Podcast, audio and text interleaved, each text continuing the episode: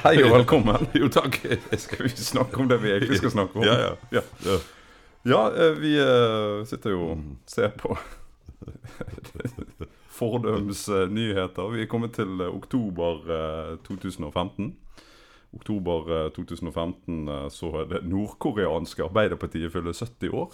Så Gratulerer med dagen. Ja. Ett år på etterskudd. Ja, da- etterskudd.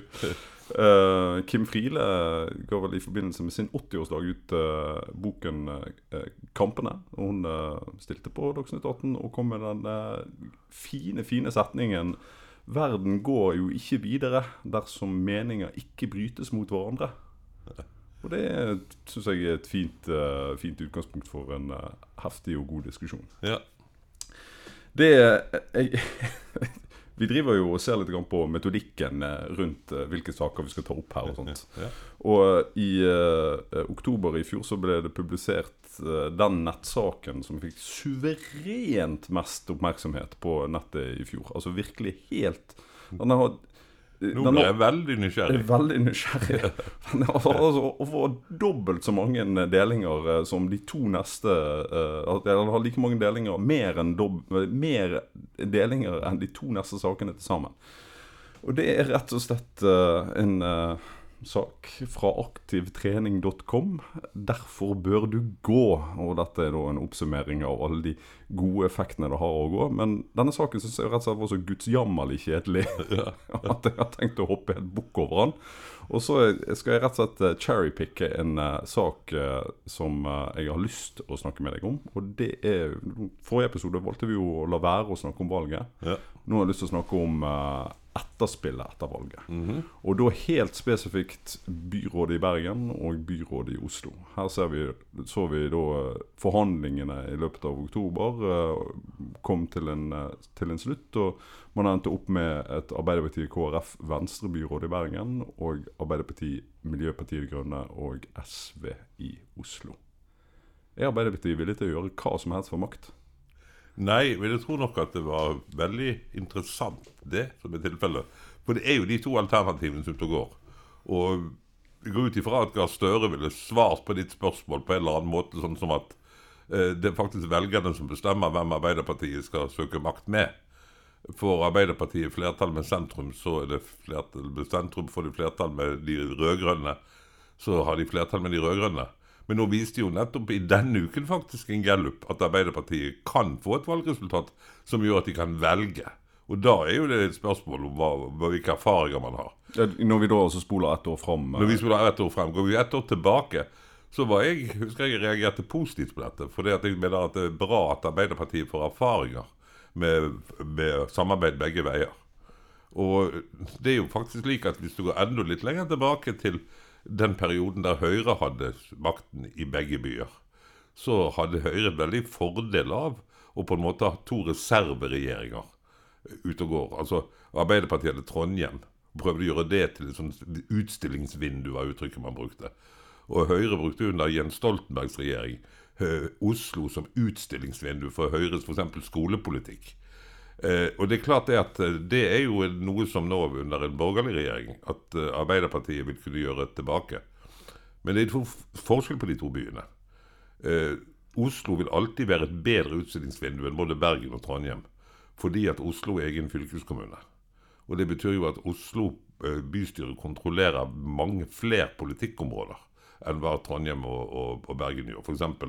noe så viktig som kollektivtransporten har de kontroll på. Og Derfor er jo det slik at det er et parti som De Grønne, som er veldig opptatt av kollektivtransport og, og planlegge tilbudet, eh, at de har makten i Bergen. Hadde det, vært, hadde det vært omvendt, at det var med Kristelig Folkeparti og Venstre i Oslo, med De Grønne og SV i Bergen, så hadde det vært atskillig vanskeligere. For da ville jo fylkeskommunen kunne sagt en bom for en rekke av de forslagene som de nå gjennomfører i Oslo. Du vrir deg litt unna spørsmålet mitt. Er Arbeiderpartiet villig til å gjøre hva som helst for å få makt? Arbeiderpartiet er et maktsøkende parti. Og det er egentlig tre slike partier i Norge. Det er Arbeiderpartiet, og det er Høyre, og det er Venstre.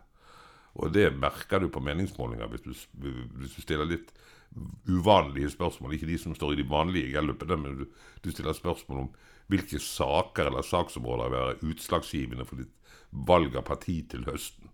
Og så får folk, folk velge opp til tre saker. Da er det veldig påfallende at Høyre-velgere, Venstre-velgere og Arbeiderparti-velgere velger at det at mitt parti får makt, velger de som en sak. Og det er de, de eneste tre partiene som gjør. Og det er jo de tre partiene som har hatt flest statsministre, utvilsomt, etter at vi fikk parlamentarismen i 1884. Slik at det å søke makt, det vil du straffes for ikke å gjøre i Arbeiderpartiet. Du vil jo minne meg om Torbjørn Jagland 36,9. Når Arbeiderpartiet da fikk 35% ved valget, og de utmerket godt kunne regjere, så valgte han å trekke seg, for han ikke hadde fått 36,9. Og så fikk Bondevik makten istedenfor. Det hadde eh, Arbeiderparti-velgerne ekstremt liten sans for. Og da falt jo Arbeiderpartiet som en stein på meningsmålingene, når de ikke tok makten når de hadde den. Så jeg tror nok at Arbeiderpartiet må søke makt. I likhet med, med, med Høyre og, og, i og for seg også lille, lille Venstre. Det, det, ligger en forventning eh, Det ligger en forventning. Det, det, du kan ha statsbærende partier eller maktsøkende partier. Hvis du derimot stemmer SV eller De Grønne eller for den saks skyld Kristelig Folkeparti, så er du mer vant til at du markerer deg. Det er markeringspartier. Fremskrittspartiet kan jo nå bli et maktsøkende parti. Det kommer an på hvilken fraksjon som vinner i partiet. Mm. Hva er makt? Nei, Makt er jo egentlig det å få gjennomført mest mulig av de ideene du har i et demokrati. Og fordi at demokrati ikke er et diktatur, så må du vanligvis samarbeide med noen meningsmotstandere for å få ting til. Og derfor er jo det å ha makt betyr jo da at du kan få gjennomført mer. Eh, dess nærmere makten, dess mer du kan være med på forberedelsene. Eh, I bakrommene. Være med å jobbe eh, på, på et tidlig stadium i utviklingen av en sak. Desto mer makt har du. Derfor vil jeg jo si at det er morsommere tross alt å være Høyre-politikere eller Frp-politikere i regjeringskvartalet i dag, eller i kvartalet ned, bør jeg si i våre dager, enn det er å være sekretær i Venstres eller Kristelig Folkeparti sin stortingsgruppe. De kommer liksom seinere, etter at tingene er, klarlagt. Slik at uh, det å Jeg tror det gir en veldig tilfredsstillelse for politikere når de liksom kan krysse av at her hadde jeg en drøm, se jeg har gjennomført den, og så krysser du av i din mentale kalender, på en måte. Og det tror jeg er gleden med makt. Ikke i og for seg gleden av at du skal ha viljen din som en annen fireåring. Litt det òg, kanskje. Men, men, men, først og fremst det at du har en idé som du har gått ut og solgt til folket, og så føler du at folket har gitt tilslutning til den ideen fordi du har vunnet valget og derfor fått makten, og så sier du 'jeg føler jeg må levere'. Men det er jo også veldig personlig tilfredsstillende hvis du har vært med og kjempet på et fylkesårsmøte for at den saken skulle komme inn på programmet og så kom den inn på programmet, ble vedtatt av landsmøtet i partiet. Og så kommer du i posisjon der du faktisk kan gjennomføre den. Altså Gro og abortsaken må, ha vært en typisk sak hun som sosialmedisiner som arbeidet seg opp gjennom partiet og kunne faktisk gjennomføre den. Klart det gir det kicket. Maktpolitikere er negativt ladet. Hvorfor ja, det? Ja, for det, når du sier det, så er det noe annet. Og sånne fins det noe, noen av. Jeg har møtt noen av dem. Eh, men forbausende få i norsk politikk, faktisk. Det er jo folk som går inn i politikken bare for å få posisjoner, og som ikke har ideer i det hele tatt. Altså Deres ønske er å komme på Stortinget, punktum. Eller å komme i regjering, punktum. Og Hvis de da bare er villige til å mene hva som helst for å komme i posisjonen, så er det det jeg vil kalle en maktpolitiker. Da søker du beslutningsposisjonen uten å ha ideer. Men det er de færreste som gjør det, faktisk hvis, det, hvis din, egen, en, din, eneste ambisjon er å skifte ut den som sitter i stillingen med deg sjøl, så er, du, er, det negativt. Men hvis du vil hive en person ut av posisjonen for å få den selv, for å gjennomføre noe den, kunne, den andre ikke ville gjennomføre, så er det etter min mening helt legitimt. Det er sånn demokratiet skal fungere. Og da returnerer vi til det vi begynte med. Mm.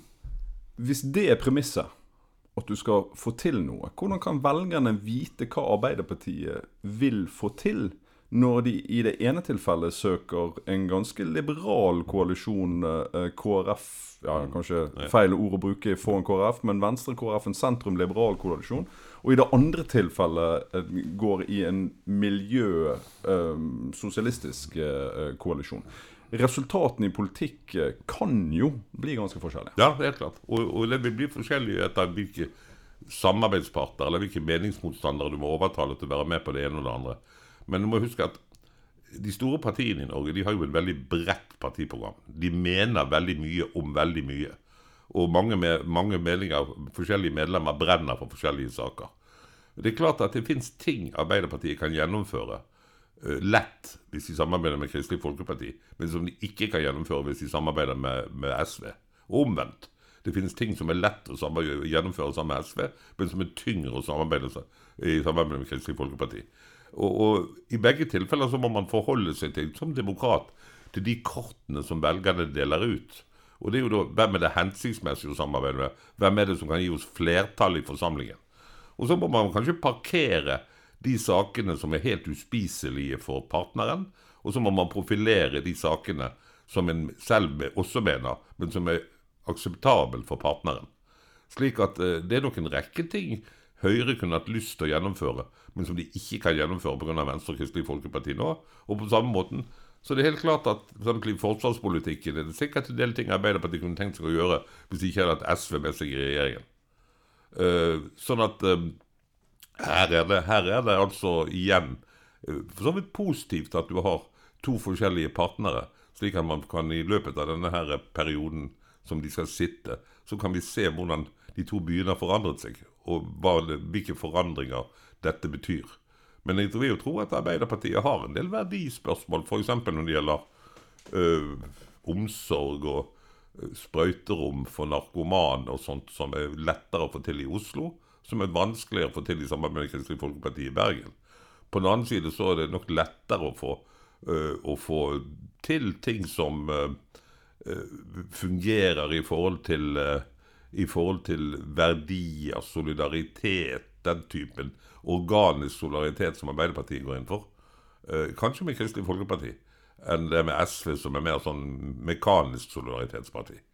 Jeg, jeg tror nok at uh, det er veldig fornuftig og veldig bra for norsk politikk at du har forskjellige koalisjoner i ulike byer. Men du må huske, du kunne jo tatt andre eksempler fra forrige valg. ikke sant, at I Odda, f.eks., der Rødt og Høyre og demokratene til Vidar Kleppe danner flertall. Da kan jo du lure på om det regner maktpolitikere. Men det var jo faktisk en sak de brente for òg. Nemlig å få Unesco-godkjennelse på industriruinen sin der inne. Mm. Eh, det var jo en litt merkelig sak, men ok, jeg må jo akseptere at noen drømmer om det òg. Raymond Johannessen, gått fra å være partisekretær til å bli eh, byrådskandidat. Eller nå driver, har, vel eh, prøvd å redefinere tittelen sin etter hvert. Hva er det han holder på med? Dette bryter jo med veldig mye tradisjoner. Eh. Ja, det er du rett i. Her har det virkelig skjedd en forandring. Fordi at de gamle partisekretærene Og den tradisjonen har de vel egentlig fremdeles i Høyre. Partisekretærene går aldri inn i, gikk aldri inn i folkevalgte sammenhenger. Altså Håkon Lie var den evige partisekretæren, og Ronald By var den evige partisekretæren. Men eh, nå er det jo blitt slik at folk som har kommet inn med byråkratiske funksjoner eh, Det vi i gamle dager kalte veskebærere, ikke sant. Eh, jeg husker en sånn assistent for Gro Harlem Brundtland som ble ordfører i Fredrikstad eller Halden eller noe sånt eh, etterpå. Og så hadde vi jo Martin Kolberg, som gikk fra å være partisekretær til å gå til Stortinget. Sånn at, eh, at Raymond nå går fra partisekretærstillingen til byrådsleder, er jo det mindre dramatisk enn Kolberg. For det, hvorfor det? Jo, fordi at i gamle dager ville man jo mistenke at partisekretærene har de indre forbindelseslinjer i et parti. De vet så veldig mye om så mange folk at de har en veldig fordel eh, hvis de f.eks. skulle søke, søke å bli tillitsverv. Ja, det blir liksom ansett som litt sånn usselt på en måte å vite hvordan alt funker når man skal stille som kandidat? Ja, det er jo det der, ikke sant. Den gamle, gamle tesen til Roberto Michels, som man husker var basert på en studie av det sosialdemokratiske partiet i Tyskland. Han påpekte jo det at partisekretærene hadde de indre forbindelseslinjer, og de hadde lov å skrive brev til hverandre. Mens de folkevalgte lederne ute i de forskjellige kretsene i Tyskland Hvis de skrev brev til hverandre, så var det organisert fraksjonsvirksomhet, og det var forbudt. Men partisekretærene er jo nødt til å skrive brev til hverandre. Slik at partisekretærene har en indre forbindelseslinje som da han beskrev som et oligarki. Og han valgte jo nettopp sosialdemokratene i Tyskland fordi at de hadde en ideologi om at de ikke var et oligarki. Eh, og noe av dette her oligarkiske ved partisekretærstillingen det gjør jo at det kanskje var riktig av Håkon Lie og Ronald Bye å være litt mer tilbakeholden når det gjelder å søke posisjon. For liksom, hva skal den stakkars motkandidaten til Martin Kolberg gjøre i Buskerud når Martin kommer der susende inn som tidligere partisekretær? Eller en eller annen lokalpolitiker i Oslo som ønsker å bli byrådsleder, når Raymond kommer inn med all den kunnskapen han har som partisekretær. Så, så jeg ser jo at denne gamle regelen ikke var så dum, jeg, altså.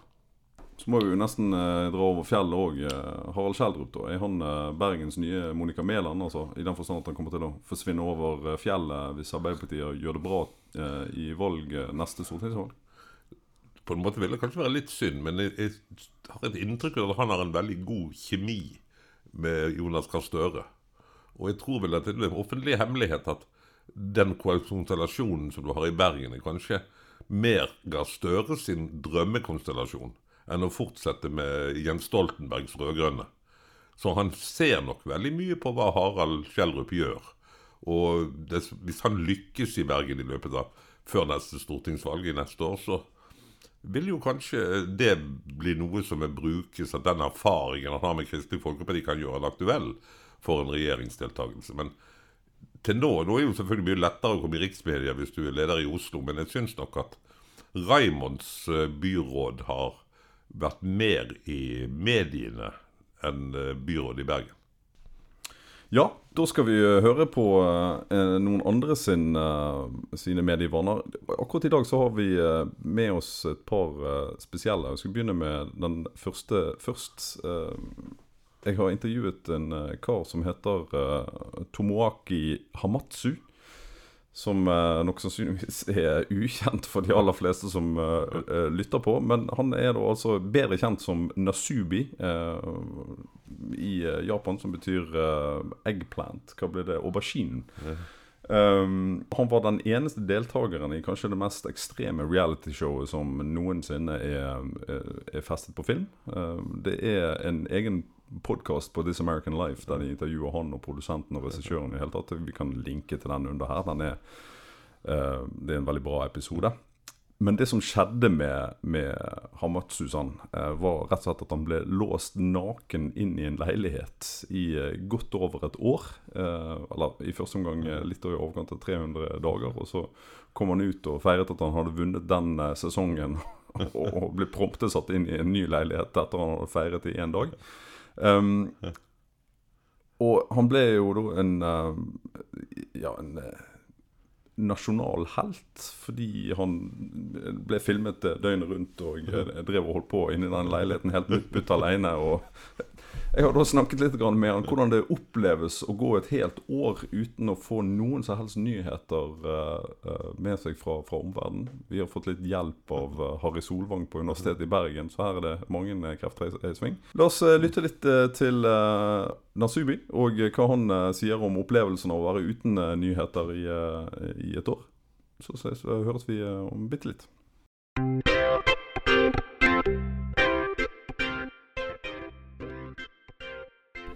Ja, navnet mitt er Harry Solvang. Jeg er ehm, eh, førsteamanuensis i japansk lingvistikk ved Universitetet i Bergen. Da skal vi eh, gå over til, uh, til, intervjuet. Jeg kommer til å lese norske, de norske oversettelsene av uh, spørsmålene. Og så svarer du uh, som ja, i oversatt versjon av det Nasubi sier til oss. Eggplant. artist name is uh, Nasubi. And my face looks like eggplant. No. no. And um, uh, your occupation? Mm. Uh, actor. Comedy, comedy actor. Egentlig så heter det Hamatsu Tomaki. Eh, nasubi det er da japansk, og det, det betyr eh, aubergine. Og det er fordi at ansiktet mitt er så langt og ser ut som en aubergine. What is the most important media memory for you? というでをやっぱり一番僕が最初に日本で有名になったのがテレビ番組の「電波少年」「進む電波少年」という番組で検証生活といって、えー検証だけを、えー応募して Ja, når jeg tenker meg om, så er det nok da jeg første gang ble kjent i Japan, og det var da jeg deltok i et TV-program som het Dempasjonen. Og Der skulle jeg da leve ved hjelp av premier. Altså jeg skulle søke om å skrive etter slike premier, og se om det var mulig for et menneske å leve bare ved hjelp av dette. Det var det som var grunnlaget for at jeg begynte å opptre i, i media, altså i japansk TV. Så det er vel dette som jeg husker best av, av medieminner. Du gikk jo et helt år eh, uten å eh, få noen nyheter annet enn uh, de tingene du vant. Uh, hvordan føles det å gå et helt år uh, uten nyheter? Vel, jeg hadde, hadde jo ikke noe som helst kontakt med verden utenfor. Det i, tok ett år og tre måneder, faktisk. Jeg kunne heller ikke se TV, så jeg visste ikke noe om hva som skjedde utenfor. Jeg visste heller ikke at, dette, at det ble sendt som program på TV. Så om jeg skal si det med et bilde fra et japansk eventyr, så var jeg som en sånn Urashima Taro. Eh, Da jeg kom ut eh, etter et år, så var det sånn at til tross for at ingen visste hvem jeg var et år tidligere, så pekte alle på meg og ropte 'Nasubi, Nasubi'. Så eh, det overrasket meg jo selvfølgelig voldsomt. Så jeg lurte på hva som hadde skjedd. Og i virkeligheten så hadde da dette programmet blitt sendt hele tiden, og seertallet var høyt, det var over 30 så det betyr at det var veldig mange japanere som hadde sett dette programmet. Og det gjorde meg ikke mindre overrasket. What is the strength of, uh, of media, do you think? メディアは、えーやはりその僕が電波少年に出てた頃と今とではだいたい20年ぐらい経ってメディアの役割とかっていうのもすごく変わってきたなっていうふうに思ったりも、Vel, det er jo nesten 20 år siden jeg deltok i den pasjonen, og, og rollen til media har jo endret seg mye på disse årene. Før så fulgte det med mm, positive konsekvenser av å ha vært på TV. Og det gjaldt jo selvfølgelig også for meg da jeg deltok i den pasjonen og seertallet var høyt. Det førte jo til at jeg ble etterspurt fra ulike hold. da. Eh, Men i seinere tid så har jeg vært sjeldnere på TV, og det ble også fortalt når jeg treffer folk så, som da sier 'jeg så deg på TV her forleden', og det var lenge siden du har vært på TV.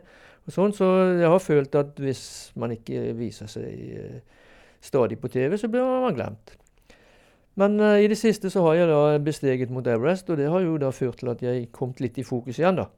Så derfor så er det nå ikke bare TV, men, men uh, med egen kraft og innsats man også kan uh, da som individ nå folk uten å, å bruke TV. Så man kan jo da si at behovene endrer seg, og at medias rolle også litt etter litt endrer seg. Men det at eh, altså det er blitt enklere for den enkelte sammenlignet med før å spre informasjon. What do you want to tell us about Fukushima, where you are from? えー僕は、えー、と生まれも育ちも福島ででやはり、えー今福島っていうと日本だけではなく世界的に多分その2011年の、えー3月11日に起きた、えー Ja, jeg er jo da født og oppvokst i Fukushima. Jeg tror at mange, ikke bare i Japan, men også i andre deler av verden, har et negativt bilde av Fukushima pga. Uh, atomkraftverkulykken eh, som skjedde da 11.3.2011. Det er mange som eh, tror at eh, Fukushima nærmest er utslettet pga. Uh, dette, og at det ikke bor folk der lenger. Det fins muligens sånne mennesker i Norge også. Faktisk så traff jeg en nordmann da jeg holdt på å bestige Mount Everest, og han spurte meg om alt var ok i Fukushima. Og andre klatrere stilte også lignende spørsmål. Og i dag så har jeg faktisk også kommet fra Fukushima til Tokyo. Eh, der bor mange folk i Fukushima. Eh, Før skjelvet så var det ca. to millioner mennesker der. og Siden den gang så har noen blitt evakuert, og andre har flyttet. Så befolkningen har jo minket litt. Men nå, fem år etter ulykken, så er folk begynt å komme tilbake. Så i dag bor det sånn ca. 1,9 millioner mennesker der. Eh, Det er fremdeles noen av disse som da er evakuert til andre steder i, i fylket, mens andre er evakuert til steder utenfor fylket. Og i eh, Forleden så var jeg innom atomkraftverket for å se hvordan dette opprydningsarbeidet foregår, hvor langt man er kommet. Jeg snakket med flere som arbeider der. Så jeg føler at det nå litt etter litt har blitt mulig også å komme med positive meldinger om Fukushima, nå etter at det har gått fem år. Men når det er sagt, så er det jo fremdeles problemer i Fukushima som eh, nedrigging, nedrigging av atomreaktor. Og det er mange som bekymrer seg for sikkerheten eh, ved matvarer som er produsert i Fukushima. Ikke bare i Japan, men over hele verden. Så Fukushima har mange vansker som vi er nødt til å overkomme. Men jeg føler, eh, og også kolleger og venner i Fukushima, at vi er i ferd med å ta Fukushima tilbake. Og ikke bare det, men å gjøre Fukushima til et enda bedre sted enn før ulykken. Det er mange mennesker som jobber for dette. Og jeg har selv blitt inspirert av disse og begynte med fjellklatring. Jeg hadde aldri prøvd det før. Men likevel så klarte jeg det omsider å bestige Mount Everest. Ikke minst takket være all støtten fra folk i Fukushima. Effekten av atomkraftverksulykken er selvfølgelig enormt. Men hvis ikke dette hadde skjedd, så hadde jeg og andre muligens ikke utfordret slik jeg eller vi gjorde. Så det ville være fint om også norske folk ville vende blikket sitt mot Fukushima og bli interessert i stedet. Da er det kato. Da er det ikke maste. Da uh, sier jeg uh, tusen takk for uh, oversettelsen av dette, Harry. jeg har lyst til å spørre om én ting som vi har snakket om utenfor mikrofonen, men som jeg tror kan være interessant for våre kulturelt interesserte lyttere. Hamatu-san nevner Urashima Taro-eventyret. Eh, og eh, du har fortalt meg litt hva det går i, men kanskje du kan eh, gjenta den historien for våre lyttere?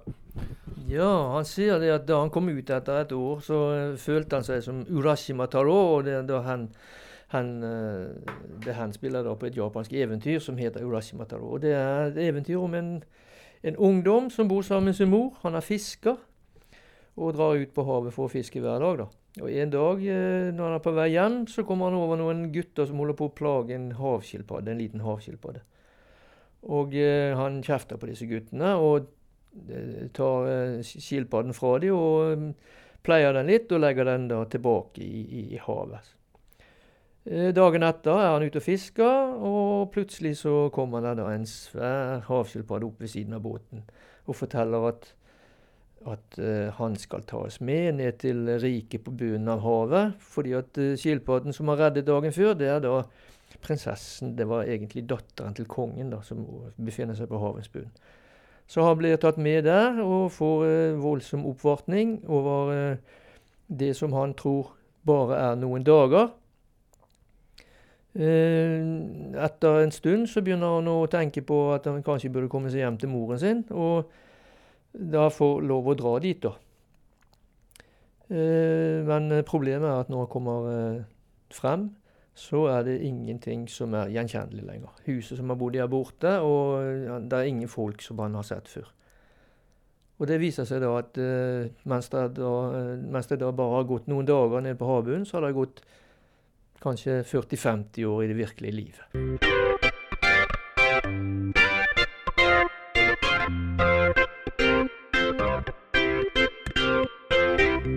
Ja, da er vi tilbake igjen. Da har vi hørt litt fra Nasubi og hvordan han opplevde tingene.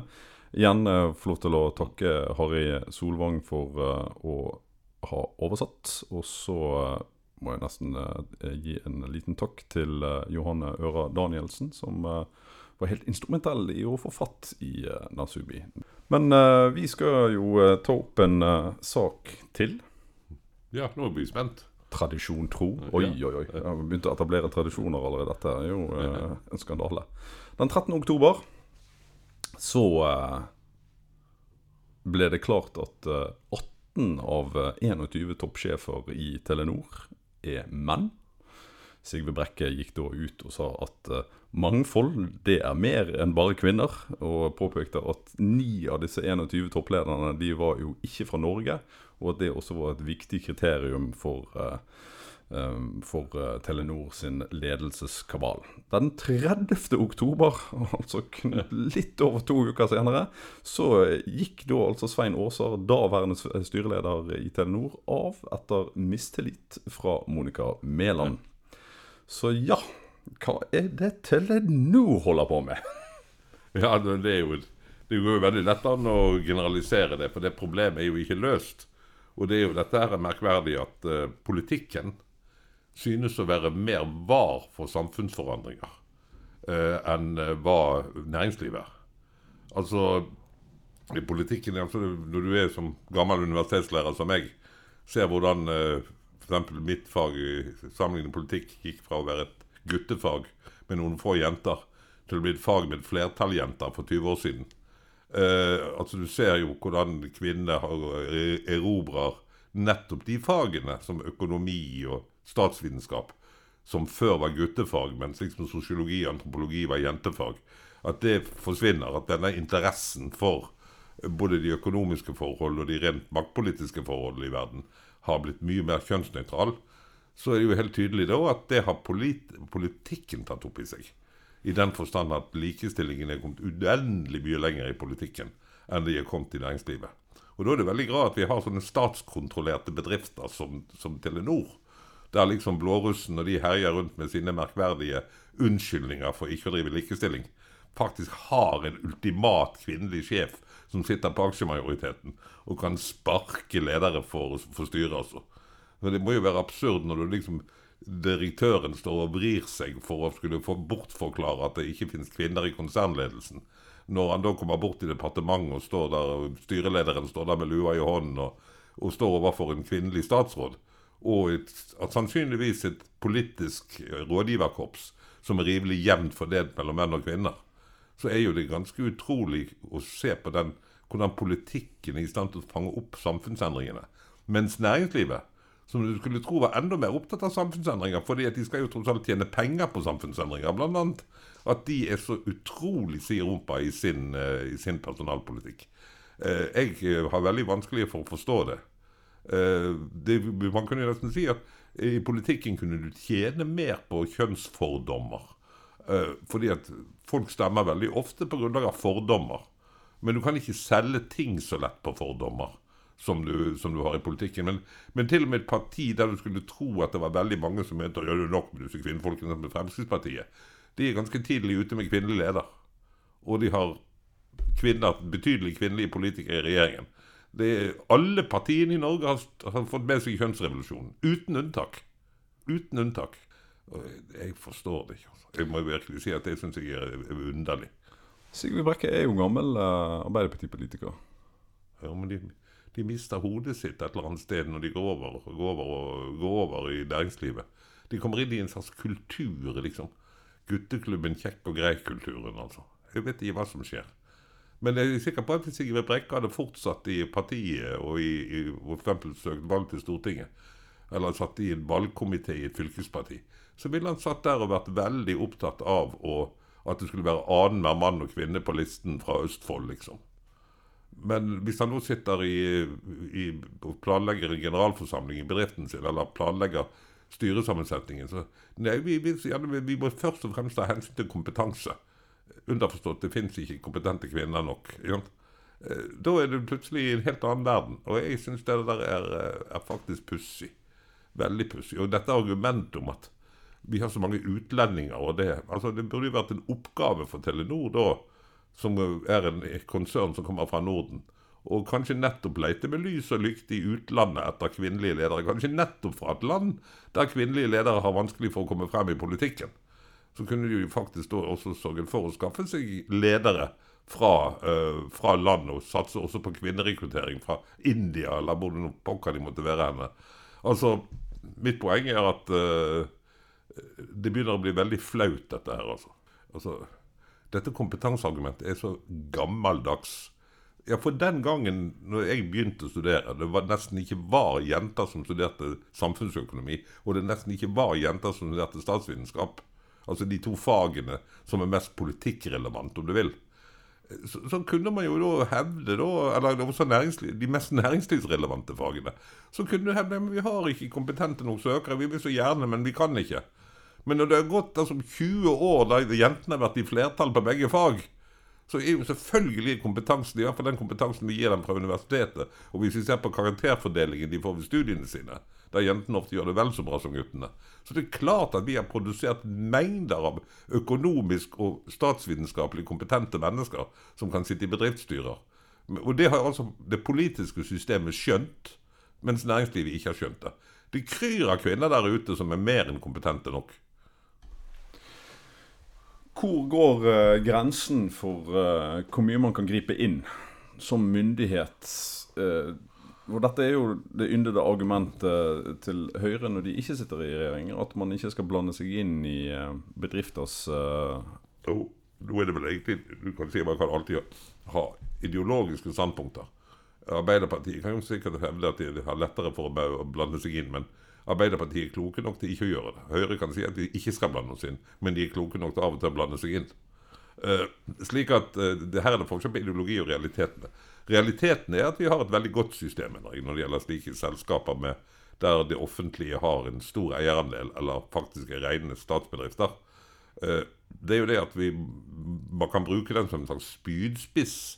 Men jeg tror det er viktig å holde fast ved dette at statsråden i tilfelle statlige foretak, eller foretak med statlig aksjemajoritet, hun blander seg inn én gang i året, og det er på generalforsamlingen.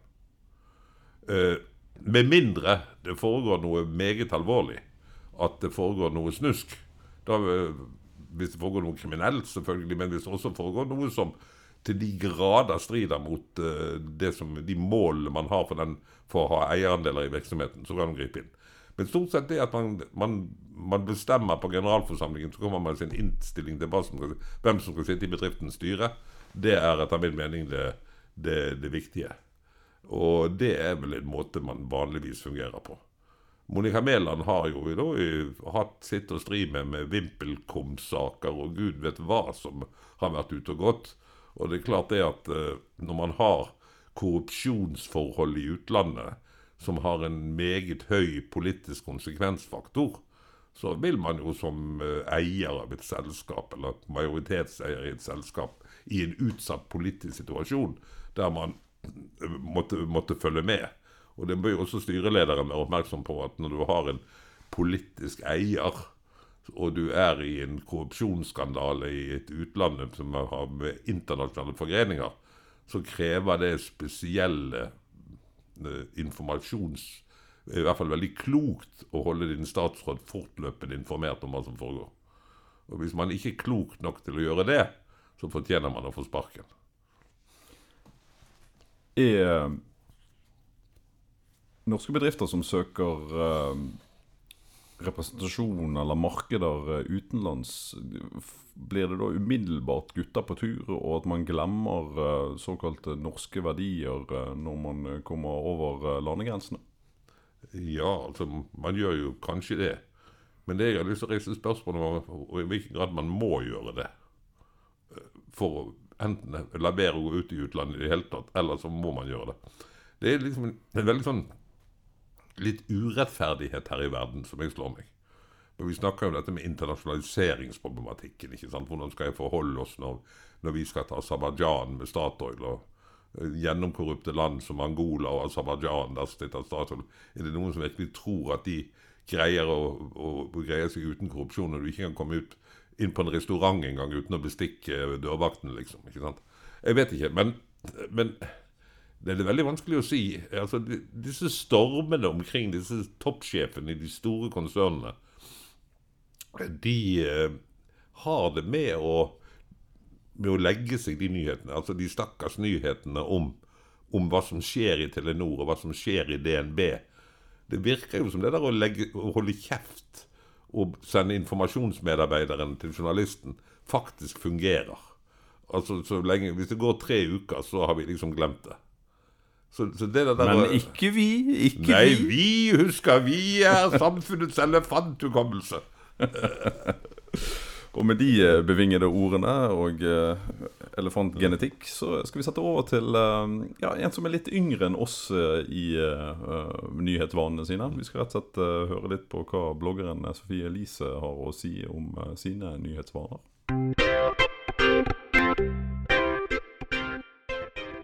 Mitt navn er Sofie Elise Isaksen. Jeg er 21 år, blogger DJ og nå forfatter. Hva er dine ritualer for å holde deg oppdatert?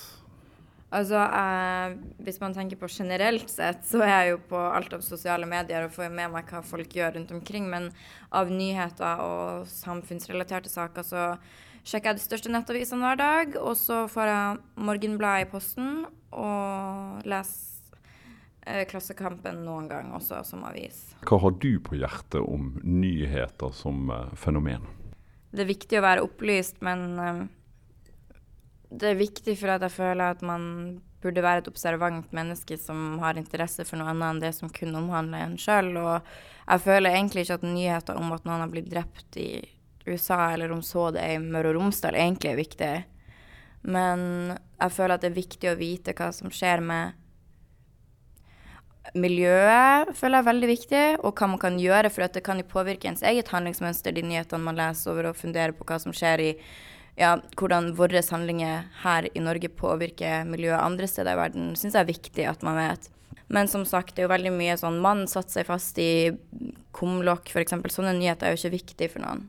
Altså, et godt eksempel på hvorfor nyheter er viktig, da, sånn som nå med den Hemsedal-saken om den voldtekten, gruppevoldtekten av hun jenta, den har jo gjort at det har starta en ny bølge av hvordan man ser på rettsvesenet i sånne saker. Og hadde ikke det vært en nyhet, hadde det ikke blitt så mye oppmerksomhet rundt akkurat den nyheten, så hadde ikke det skjedd. sant? Og det er det jeg også kan bruke på en måte nyhetsbildet til min vinning, ved at det er noe jeg engasjerer meg for å skape en slags storm rundt det, der mange kommer og kommenterer på det, og hele nyhetsbildet blir prega av det, da, som gjør at ting kan forandre seg. I din levetid, det høres så veldig formelt ut, men uh, i din levetid, hva er den mest uh, sjokkerende nyheten du har uh, opplevd? Det var jo 22. juli, da. Man kan jo på en måte ikke si noe annet. Men den mest sjokkerende nyheten som var sjokkerende i sekundet jeg fikk høre den, føler jeg var faktisk 11. september, for at med tvillingtårnene og fordi at da ble det så massivt med en gang, mens med 22. juli så var det så mye usikkerhet så lenge, og det bygde seg på en måte opp en sorg over noen timer som da varte mye lenger istedenfor. Men så sjokket var 11. september. Jeg husker bare um, når uh, det med 11. september skjedde jeg, liksom, jeg var så ung, jeg var vel seks eller sju år eller noe. Og jeg kan bare huske at vi satt liksom ganske mange i stua hjemme hos oss, egentlig, som var litt rart, for det var jo midt på dagen eller noe. Og så um, Når jeg skrur på TV-en, så var det første bildet som kom på, var akkurat det når flyet krasjer inn. Det er nummer to. Sånn direktesending eller noe. Og alle i stua bare så Alle liksom bare trakk pusten. Så var det akkurat som om verden på en måte sto stille i noen sekunder. For det sto stille på TV-en. Det var liksom ikke noe sånn roping og skriking eller noen ting. Det var bare helt stille, og det var det i stua også. Så husker jeg at jeg var så liten, men jeg fikk en sånn utrolig ubehagelig følelse. Og der kommer den kikkeren inn i meg igjen. For det har jeg jo sittet i ettertid og sett på sånn YouTube-klipp av folk som hopper ut fra bygget og liksom zooma inn, og jeg har vært liksom helt der, da. Eh, men det får meg til å føle meg interessert på en eller annen slags måte, og litt sånn skrekkblanda. Ikke fryd, men skrekkblanda interesse, da, over det. Øyeblikksbildene som man ser der Et annet spørsmål i den greien er jo Ser du for deg at f.eks. Snapchat kan erstatte vanlige aviser? Nei, det kan jo aldri erstatte, men jeg tenker at jeg vet jo ikke hvordan generasjonen som kommer under meg igjen, blir å se på vanlige aviser, for jeg er jo på sett og vis vokst opp med det også, men dem som bare blir presentert for noe nytt Det er ikke sikkert at de som er fem år yngre enn meg, noensinne kommer til å kjøpe en avis ever. Og da kan vel kanskje Snapchat ta litt av den plassen, men egentlig føler jeg ikke Snapchat, jeg føler Facebook blir å ta litt av den plassen. fordi at jeg vet ikke om Facebook allerede har fått det, eller om de holder på å få det, men at Facebook også skal være sin egen avis som produserer sine egne nyhetssaker som kommer i feeden, da. Sånn at man skal slippe å gå inn på noen andre nettsteder. Det kan vel kanskje ta litt av den plassen.